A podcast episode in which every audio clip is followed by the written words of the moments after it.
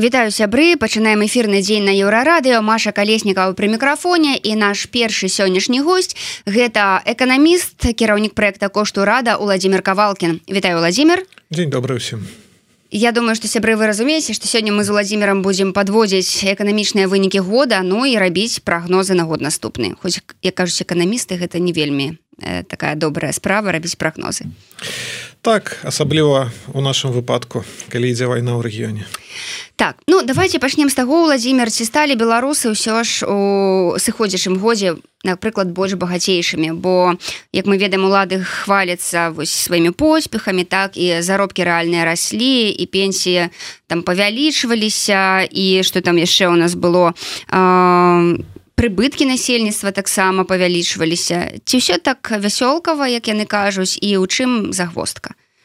Ну калі глядзець на паказчыкі белстату то так так э, падраслі заробкі падраслі сапраўдныя заробкі ўсё ўсё квітнела ўсё расло. Але калі спытаць людзей то на жаль яны не пагаджаюцца. Вось э, мы рабілі некалькі апытанак гэтым годам людзі адказваюць што інфляцыя насамрэч не такая якую малюе белстат.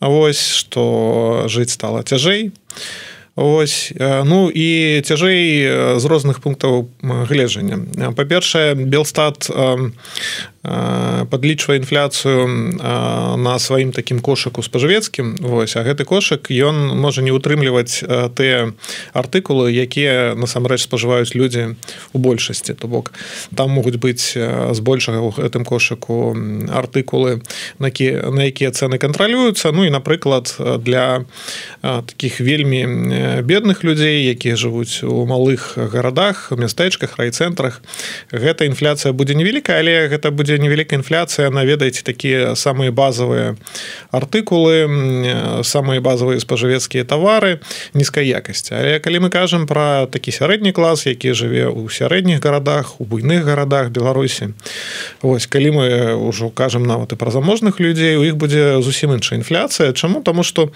яны будуць покупаць тавары больш высокай якасці на якія цены не кантралююцца. Ну і гэта не адбіваецца на афіцыйным паказчыку паказчыку інфляцыі. Вось калі мы пыталі людзей цягам гэтага года як яны адчуваць інфляцыю у іх там адчуванне было адсоткаў на 10 большая чым паказвае белстат. То бок ну сапраўдная інфляцыя на вышэй.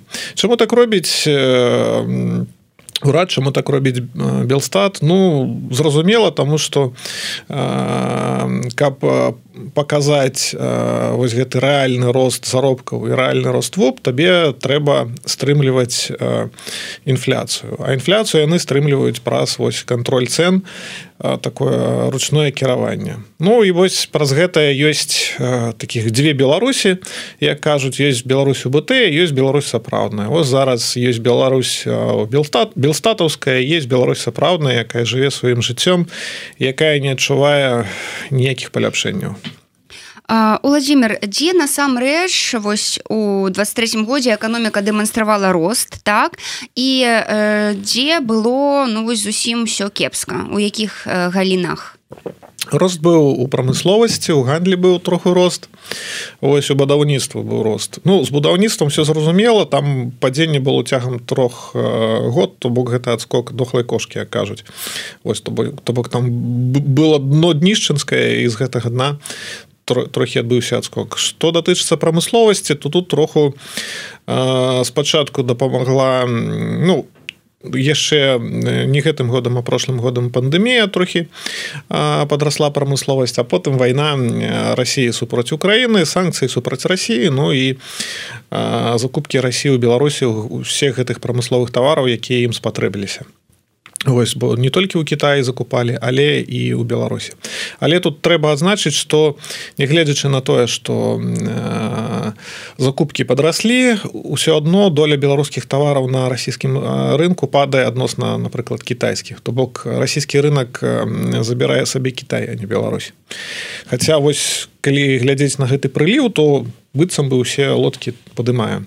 Але ўсе лодкі падымае по-рознаму калі Кітай не расце значна то Беларусь расце слаба дзе было кепска? Кепска было у айцішцы вось у сферы паслуг было кепска. Айцішнікі з'ехалі з краіны Вось з пачаткам вайны шмат хто рэлацаваўся Чаму гэта адбывалася ну троху з прычынаў таких палітычных вось але больш э, з прычынаў санкцый з прычынаў того что іх э, кліенты айцішнікаў кліенты яны ставілі ось э, такія умовы что паколькі ідзе вайна паколькі санкцыі нам гэтая сітуацыя незразумела мы мы хочам каб ваш став не знаходзіўся ўнутры краіны бо мы там, баімся за нашыя праекты і за вынікі гэтых праектаў то бок калі ласка рэлакуйцеся працуйце. Мы мы задаволеныя вашай якасцю мы задаволены тым як вы працуеце але працуйце з больш бяспечных месцаў. Ось таму і шмат якія кампаніі з'ехалі з беларусі. Ну івогуле кажуць што ўсё ж эміграцыя з беларусі яна нават больш эканамічная чым палітычная тому што просто людзі едуць за лепшым жыццём. Так калі казаць про конец двадца -го года і 21 год то гэта была больш палітычная міграцыя калі казаць про 22 ўжо год 23 гэта больш эканамічная і гэта датычыцца не толькі айцішнікаў гэта датычыцца і вось людзей звычайных таких працоўных прафесій але нормально адукаваных кваліфікаваных. То бок калі ты не ведаю працуеш нармальным кваліфікаваным будаўніком ты заробіш у той самай Польшчы ў три разы болей чым беларус беларусі. Але калі поедешь не веду францию германию нидерланды то і усім у 10 разоў болей. Ну то бок ёсць рацыя ездзіць напрыклад вахтавым метадам там працаваць некалькі месяцаў вяртацца потом зноў ехаць працаваць вяртацца і гэтак далей. Ну калі ты нормально працуеш ты не алкаш там і тое что ты робіш руками гэта добра.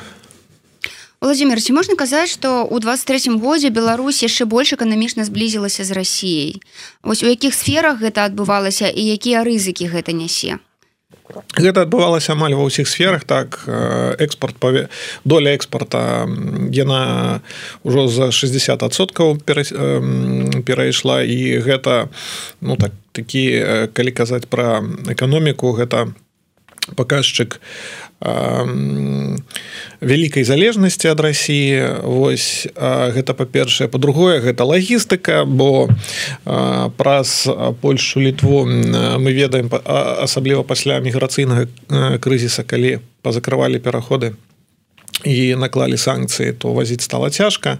То бок тут залежнасць не только у прамысловасці а таксама ў лагістыцы Вось Ну і гэта залежнасць яна толькі павялічылася за гэты год.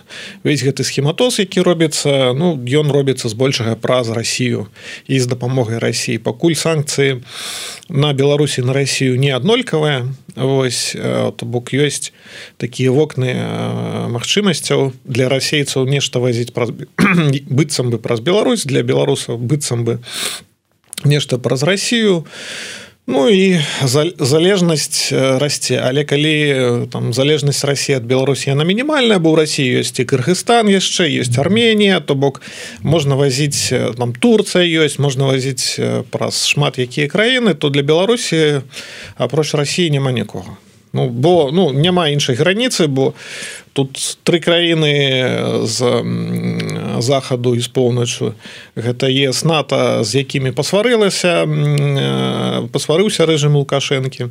Ось з поўню гэта Украіна у якой вайна застаецца толькі Росія все Ну вось все кажуць што беларуская эканоміка яна ўжо прыстасавалася да санкцый так?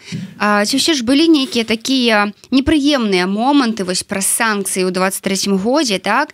І што даюць беларускай эканоміцы вось гэтыя кантакты лукашэнкі з далёкімі краінамі афрыканскімі краінамі куды вось ён увесь час ездзіць і кіраўнікі якіх да нас увесь час цяпер прыязджаюць Ну калі мы кажам пра далёкія краіны то гэта не эканамічнае пытанне. Ўвогуле гэта абсолютно палітычнае пытанне. Лукашенко згубіў легітымнасць не толькі унутры краіны у свайго народа але і на міжнародным узроўню ну каб неяк паказаць что ён там недзе прызнаны недзе легітымныя вось ён вымушаны ездзіць у квартыральную гвінею не ведаю там яшчэ якія краіны. Ну то бок праца мзс беларуская яна выглядае так. Ну знайдзіце мне хоць хоць каго-небудзь там з шыльдачкай прэзідэнт альбо кіраўнік ураду каб можна было з'ездзіць паручкацца зрабіць пару фотачак. Ну і паказаць что мы не ў ізаляцыі. Ну вось гэта і робіцца. А зразумела что ніякай эканамічнай падаплёкі ў гэтым усім няма і не будзе.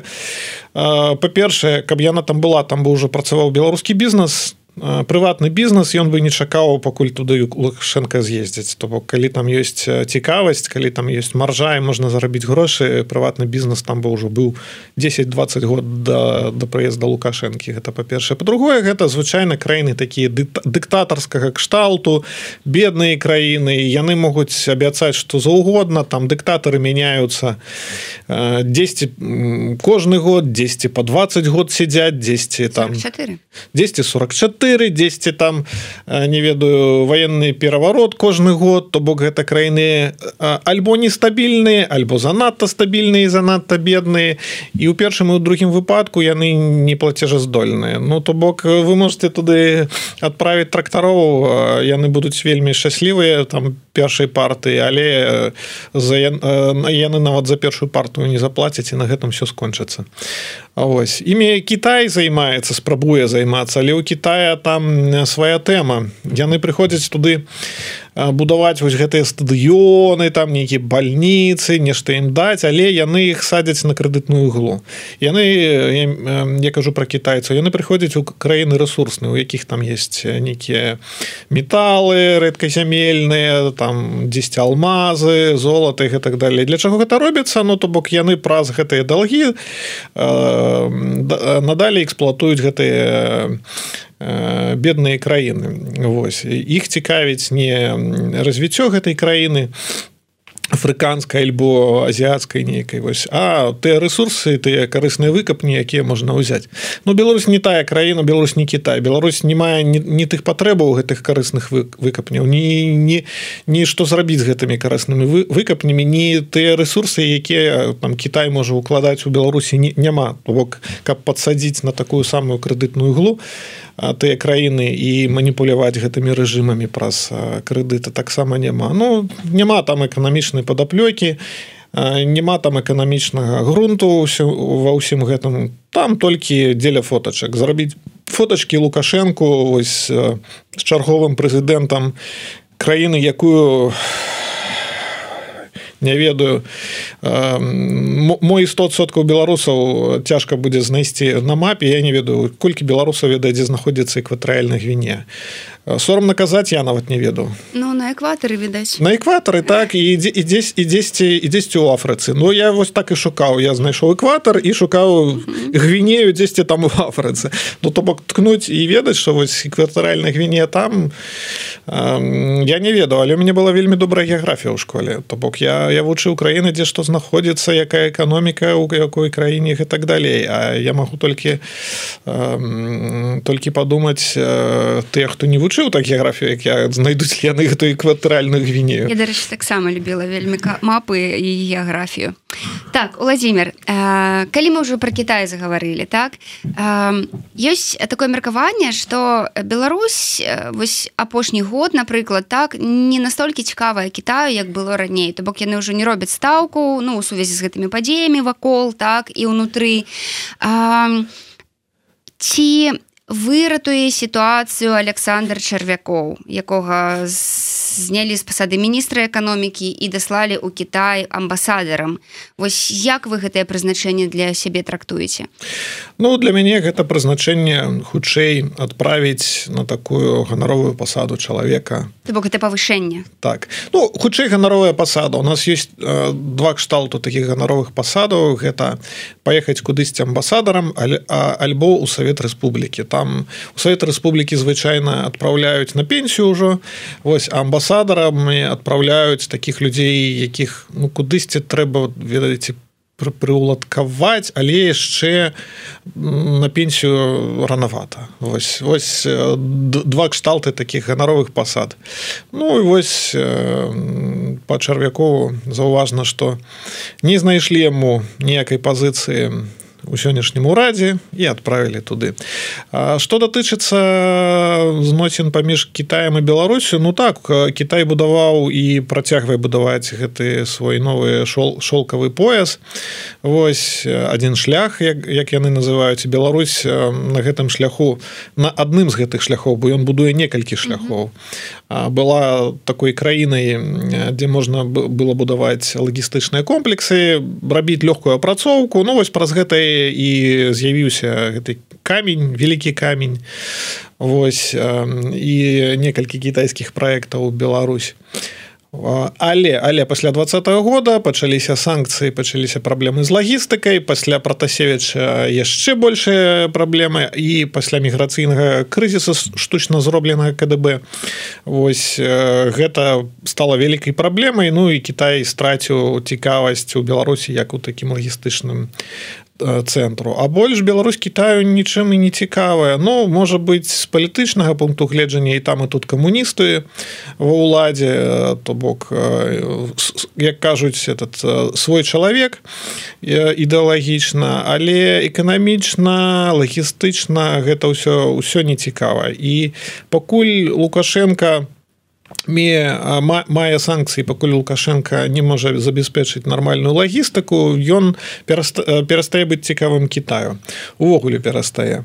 Вось. Але Кітай такая краіна с ведаеце такой палітыкай доўгатэрміновай. То бок яны з беларусі не ўсё адно не, не выйдуць. Яны прыпыняць праекты зробяць некую такую гібернацыю але ведаеце як нагу ў дзверы ўсунулі і яны я там будуць трымаць Ну з іх пункту гледжання гэта так. Ну сёння вось все кепска сёння там лукашенко разарваў адносіны захадам а мо завтра памірыцца. Альбо лукашенко зменіцца на кагось яшчэ у нас тут ужо ёсць вось наш гэты вялікі камень нейкія там вытворчасць есть ну по запрацуе чаму не? Вось. Але з вялікім камнем таксама цікавая і такая на мой погляд значная сітуацыя. Ведаеце вал перас расійскі там будзе будаваць э, вялікі э, такі э, склад для гандлю. То бок у кітайскім прамысловым значит парку расійская гандлёвая кампанія пабудуе лагістычны склад Ну, все что трэба ведаць про Кітай і про індустрыю кітайскую беларусі.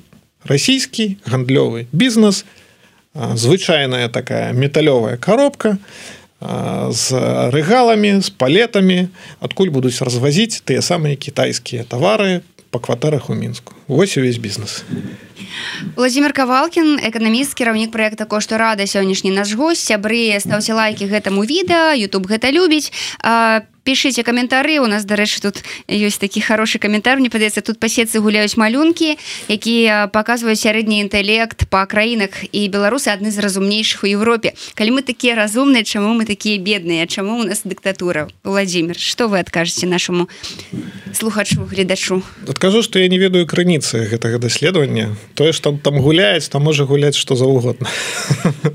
Ну але ж прыемныя такія штуки правда? Ну так звыч, звычайна прыемныя але але ведаеце будзе вельмі непрыемна калі гэта фейк так э, пераходзім да далейшых наших пытанняў. Значит цягам года э, беларусы былі збольшага прадаўцамі валюты так? Насілі свае зберажэнні ашчаджэнні ў банк э, і здавалі. Вось. А цяпер напрыканцы года ўсё змянілася. Э, пачалі набываць валюту. Гэта звязаная з чым? З тым што нейкая інтуіцыя спрацоўвае што далей у 24 годзе будзе нейкая непрыемнасць? Ці гэта ну вось з чым гэта звязана? З гэтым і звязана. То бок чаканні людзей пра дэвальвацыю пра інфляцыю павялічваюцца яны занапашваюць валюту бо яны робяць стаўку ведаеце як на біржы робяць стаўку там быкі на рост медведзі на падзенне то бок беларусы робяць стаўку на тое што будзе інфляцыя дэвальвацыя. Гэта іх стаўка і тут што цікава тут будзе сітуацыя часткова самазбыўнага прагнозу то бок людзі ведуць себя такім чынам яны набліжаюць тое пра што яны думаюць. Ось і праз тое што яны будуць больш скупаць валюты яны наблізяць той самы той самую дэвальвацыю інфляцыю. Ось праз гэты праз гэты спосаб. І гэта вельмі цікава назіраць.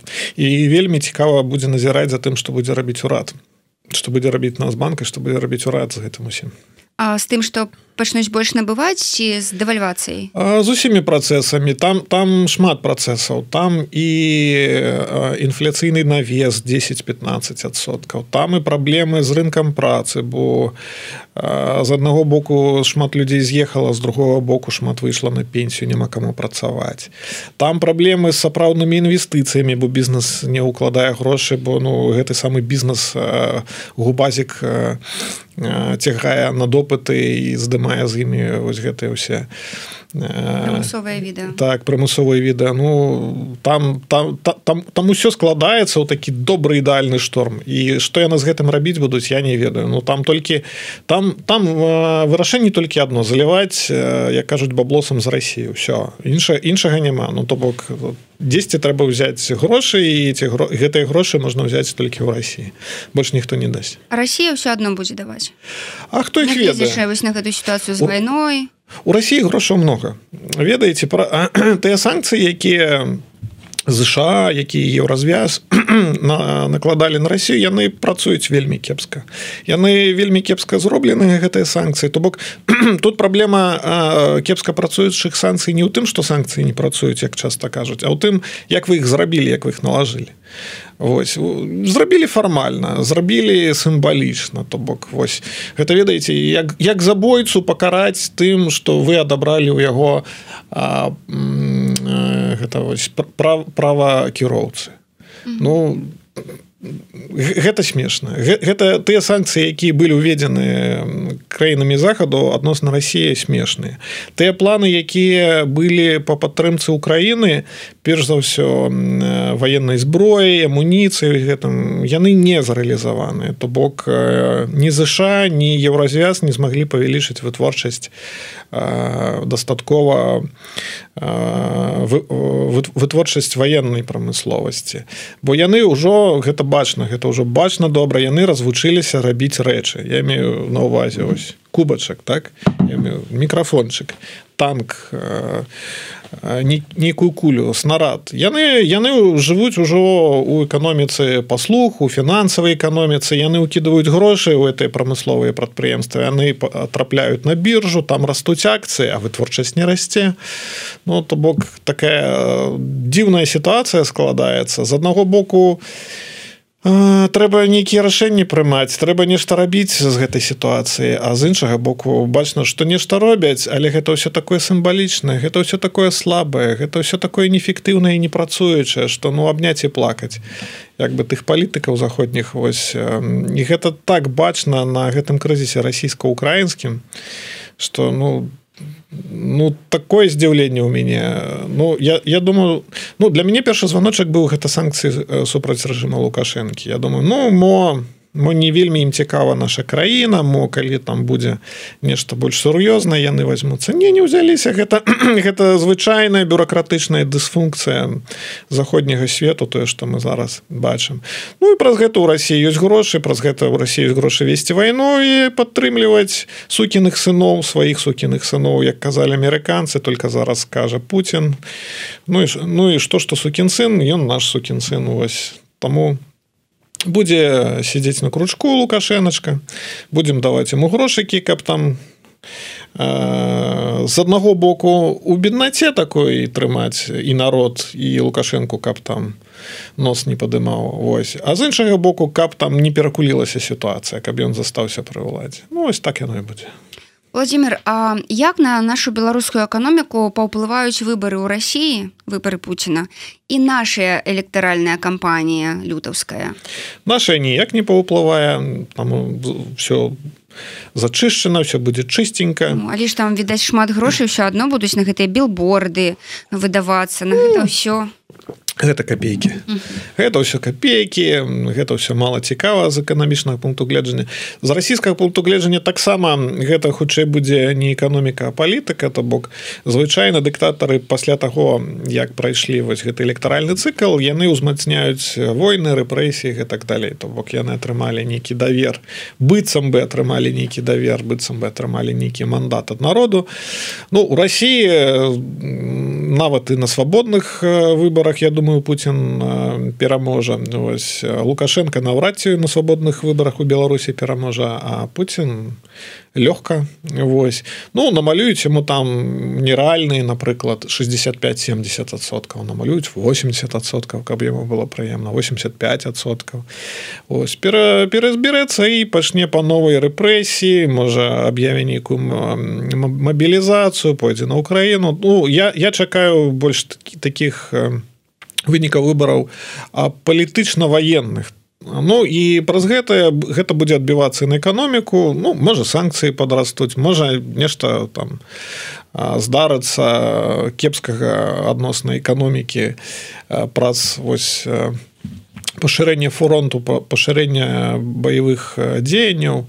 Вось але галоўны галоўны вынік будзе не эканамічны галоўны вынік будзе военно-палітычны Я думаю что так владимир А ёсць вось недзе ў свеце прыклад таких санкцый якія б сапраўды былі дзейнымі ну у адносінах да любой краіны ведаеце я такі невялі невялікі аналітык по санкцыях санкцыі гэта перш за ўсё спосаб стрымаць эканамічнае развіццё нейкага рэжыму. По-другое гэта падарваць бояздольнасць нейкага рэжыму. Ну то бок гэта не тое что змяняе ўладу. Змяняе ўладу уласны народ. То бок калі народ хоча змяніць уладу ён яго гэту ўладу змяняе. Калі хоча ну не можа то ну неяк знаходзіць нейкі спосаб жыць у гэтым усім Вось. Але самі по сабе санкцыі яны падрываюць тэхналагічнае развіццё эканамічнае развіццё. Яны падрываюць военны патэнцыял.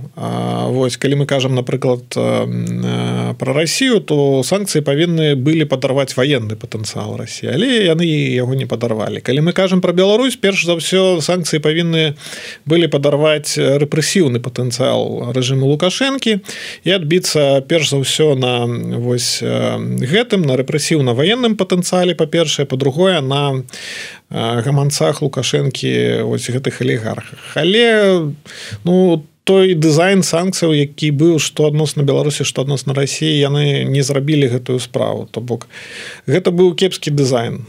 Вось. І гэтыя санкцыі уводзіліся больш у таких мэтах хутчэй сімвалічна палітычных чым у мэтах нешта змяніць сапраўды.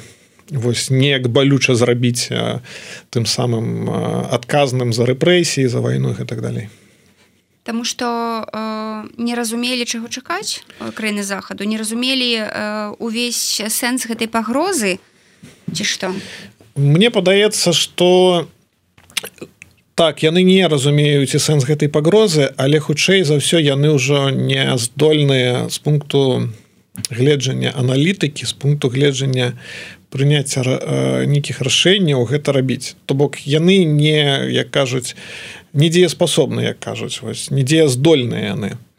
То бок ну калі заходняе грамадства хоча мець больш дзеяздольныя ўлады ў сабе ім трэба меняць улады. Я кажу про германію францию брытанію ЗША ну гэта, гэта бачна як дысфункцыя гэта бачна як дысфункцыя.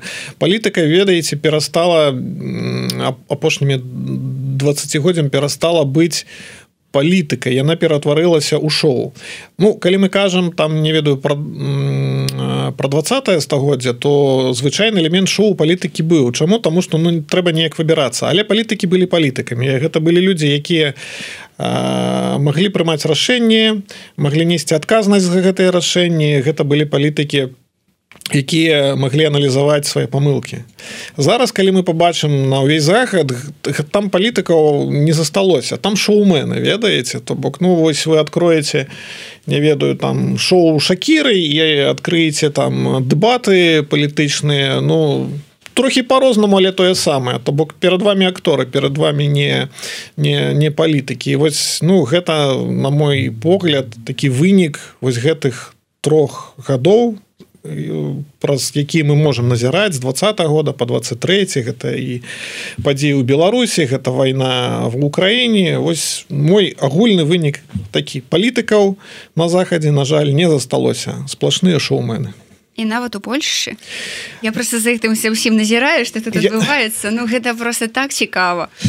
Ну зашоу вельмі цікава назіраць. Про, про, про то яно ішоў Вось что будзе тут у Польшы я не ведаю чым гэта ўсё закончыцца но у тое что пазітыўнае то ж тое что ўлада змянілася уладу трэба мяняць то бок э, нават калі б э, я на, на, напрыклад быў прыхільнікам піса і не прыхільнікам там левой э, некай ідэалогіі я бы быў за тое каб змяніць піс. Бо трэба пісу пасядзець у апазіцыі там не ведаю 5-10 гадкоў каб там э, пазмагацца за ўладу то бок пазмагацца за сімпатыі свайго электарату. Гэта патрэбна. То бок іх патрэбна мяняць месцамі інакш інакш там там там звычайна дыктатура атрымаецца. Але што будзе рабіць вось гэта левая кааліцыя мы яшчэ паглядзім ну з чаго яны пачалі? Яны пачалі самага вялікага урада амаль самага вялікага ўрада ў сваіх гісторыях 25 міністэрстваў. Сярод іх яны зрабілі міністэрства роўнасці Ось. ну то бок пойдзе гэтая левая повесточка будуць выраўніваць их и так далей. Не яно добра выраўніваць. Яно гэта добрая ідэя каб рабіць так каб не было шмат там бедных людзей шмат багатых каб там жанчыны мужчыны мелі адзіныя права. Але тут ведаеце прыярытэты. Вось у цябе вайна под бокам у цябе пагроза Росіі под бокам тебе міграцыйны крызіс ствараюць а ты займаешься ну не ведаю там а, а, пытаешься выраўняць там а, по феміністычнай повесткі там прычым радыкальна феміністычнай повесткі либо лгбт повестцы ось усіх под одну под один узровень. Я не кажу что гэта не трэба рабіць я кажу что ну павінны быць прыярытэты. Але ну рад ён толькі склаўся паглядзім чым гэта ўсё закончыцца. Ну і што будзе у адносінах з Беларусю так. эканамічных ты так, так так паглядзім паглядзім. Будь як я кажуць будзем назіраць. Але ну вось першыя званочки вялікі ўрад левая повесточка і гэта ўсё на фоне вось таго что адбываецца ў рэгіёне. Ну то бок у я б чакаў ад ну как бы як бы ад Польшы аднова ўраду. Больш э, больш фокуса на на бяспеку. Больш фокуса там не ведаю на развіццё патрыятызму дзесьці так? Ну на на тут на той выпадак калі ну насамрэч здарыцца э, вайна не ведаю. Можа, можа не буйная вайна можа нейкі канфлікт лакальны. Табе трэба быць да гэтага гатовым. Але я не бачу крокаў да гэтага. Вось. Ну і вось что Польша что іншыя краіны яны засталіся ў гэтай у гэтай вось сваёй барацьбе я, я б сказаў нават рэлігійнай правых з левымі. Правыя левыя з аднаго боку глобалісты і такія ведаеце выраўнівацелі ўсяго а правыя з іншага боку такія ізаляцыяністы дзесьці троху патрыятычныя. Але вось каб скласці каб ну ведаеце адначасова быць і глобалістам і з нармальнай левой повесткай выходзіць так і адэкватна ацэньваць сітуацыю тая што адбываецца ў рэгіёне вось такой партыі на жаль няма у цябе альбо вось гэта альбо вось гэта. І у людзей выбар паміж вось двумя гэтымі правымі ды левымі. І так і у ЗША і ўсё Еўропе чым гэта скончыцца я нават не ведаю Мне падаецца калі б не Украіна было б вельмі цяжка его развязу калі б насамрэч Путін напаў не на Украіну а напрыклад на літву Польшу гэта была б катастрофа. Чаму? Ну яны б што датычыцца літвы яны б яе акупавалі вось як яны планавалі акупаваць Украіну за тры дні. і гэта б насам насамрэч здарылася А калі мы кажам пра Польшу то самі палякі яны правадзілі гэтыя штабныя гульні. Яны ў гэтых штабных гульм гульнях згубілі Польшу па віслу за тыдзень. Ну, ну что тут казаць? Як пішуць тут у нас э, кавалкін праз меру згушае по палітыцы. Что ж мы побачым владимир все ж яны толькі з, з якого з 11 ці з 12 числа ўрад гэты новы працуе таму так будем будем назіраць то бок гэта заўсёды так. Трэба назіраць што яны робяць што ў іх атрымоўваецца і толькі пасля гэтага нейкія высновы рабіць. Я так больш разважаю у космосе А давайте яшчэ да нас. Вось гэтая сітуацыя на валютным рынку. Калі долар все скакаў то рос то падаў. Так і беларускі рубель там это бедны там целяпаўся за расійскім так? А вось як гэта ўсё псіхалагічна ўплывае на беларусаў да? Вось что беларус адчувае калі бачыць что ёпрст там 3 37 Ну добра што скупіў даляры і схаваў под матрас. Вось што ён адчувае А той хто не купіў ён кусае локці кажа Ай Ну гэта ж гэта ж забаў гэтай же забаве ўжо 30 год. Ось колькі колькі там нашай незалежнай краіне то столь столькі гэта забава адбываецца. Ну то бок беларусы ведаюць што нельга давяраць ніякаму ўраду ніякаму нацбанку ніякаму прэзідэнту. Вось. І хаваць грошы там дзе іх не адбяруць і у той валюце на якую не можа паўплываць урад. Вось.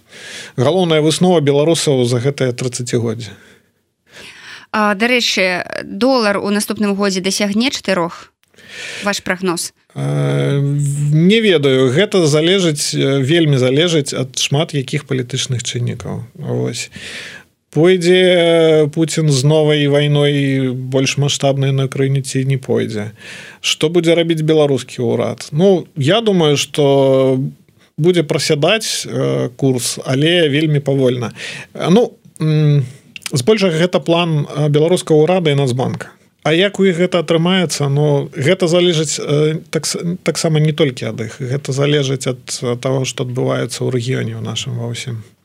Тут тут прогнозы даваць абсалютна не, няма ніякай магчымасці бо ведаеце калі казаць пра такіх сапраўдных аналітыкаў па валюце заходніх ну яны яны працуюць у зусім іншым асяроддзі. Яны маюць доступ да інфармацыі яны маюць такія стабільную палітычную сістэму. То бок яны могуць зрабіць такія нармальныя прогнозы адносна эканамічнай фінансавай палітыкі ўраду бізнесу і так далей. І вось праз гэта пра збор інфармацыі аналіз інфармацыі яны могуць рабіць нейкія прагнозы. У нас ўсё ў ручным рэжыму што ў беларусі што ў Росіі тут як дзёрне той лукашенко ці яшчэ які чыноўнік за які-небудзь рычах так яно і будзе.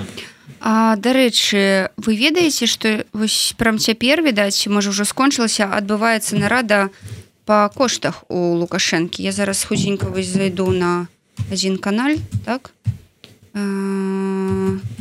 І зноў зноў так цены механізм іх регулирования і контроль Як вы лічыце будуць працягваць? Пажаны ўжо здаецца падпускалі гэтыя цены і яны пайшлі ў гару будуць ім вельмі спадабалася кантраляваць цены вельмі спадабалася ў гэтым удзельнічаць белстату. Дарэчы што цікава не толькі марту. Март нават самыя ліберальны ў гэтым усім кантраляванне бо март ведае што кантраляваць не трэба будзе навес і гэты навес ужо ёсць і март ужо ведае што гэты навес ёсць Вось а бел, белстату гэта вельмі падабаецца былі інтэрв'ю з кіраўнічкай белстату якая казала что мы тут усе кошты можем подлічыць як там каткаве сказала математически выверыць там і гэтак далей былі спробы мытнага камітэту нешта казаць про гэтае что яны зробяць нейкую такую агульную базу дадзеных і будуць адсочваць цану ад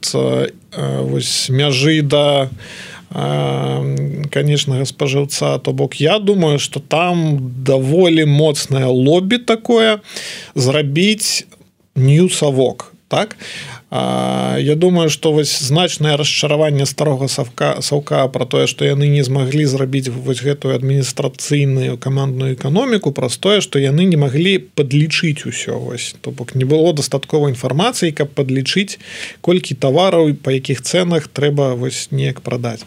А цяпер у нас есть кампутары у нас есть штучны інтэлект. Я думаю что вось гэтыя ўсе адэпты старага добрага саўка я яны ведаеце з вялікім імпэтам на ўсё гэта глядзяць і будуць спрабаваць будуць спрабаваць рэгуляваць. Я думаю что так. Я думаю что мы побачым э, шмат спробаў там нешта падрэгуляваць стварыць нейкую такую адзіную базу дадзеных э, Вось стварыць нейкі маніторынг там міксаваны не ведаю супрацоўнікі маргу будуць хадзіць записываць з аднаго боку белстат там нешта будзе аналізаваць мытны камітэт там нешта таксама так ГК по сваёй базе будзе там вылічаць дзе там дзе там ёсць маржа вялікая дзе ее можна зменшыць. Так усе усе будуць пра справе яны будуць я, я думаю что яны будуць рабіць вось по кроку по кроку такую вялікую базу дадзеных тавараў і цэнаў. а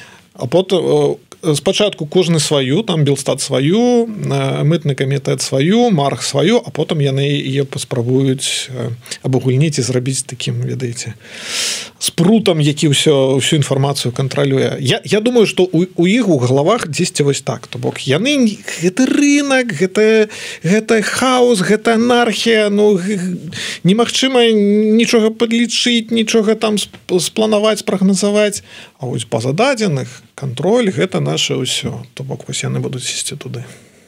Тут дарэчы вось пішуць что выбачаеце курыныя крылы каштуюць 8 рублёў а свіны разруб 9,9 а яшчэ пішу что заробак не расе а мандарыны по 9 рублёў. Так і жывем. Але зару але э, цены будуць расці. А заробкі? Заробкі наўрад ці Ну глядзіце заробкамі што здарылася яны раслі па-першае простое что быў попыт на беларускую прамысловасць спачатку пасля кавідны потым расійскі гэта першае. А по-другое простое что шмат беларусаў з'ехала і шмат сышло на пенсію.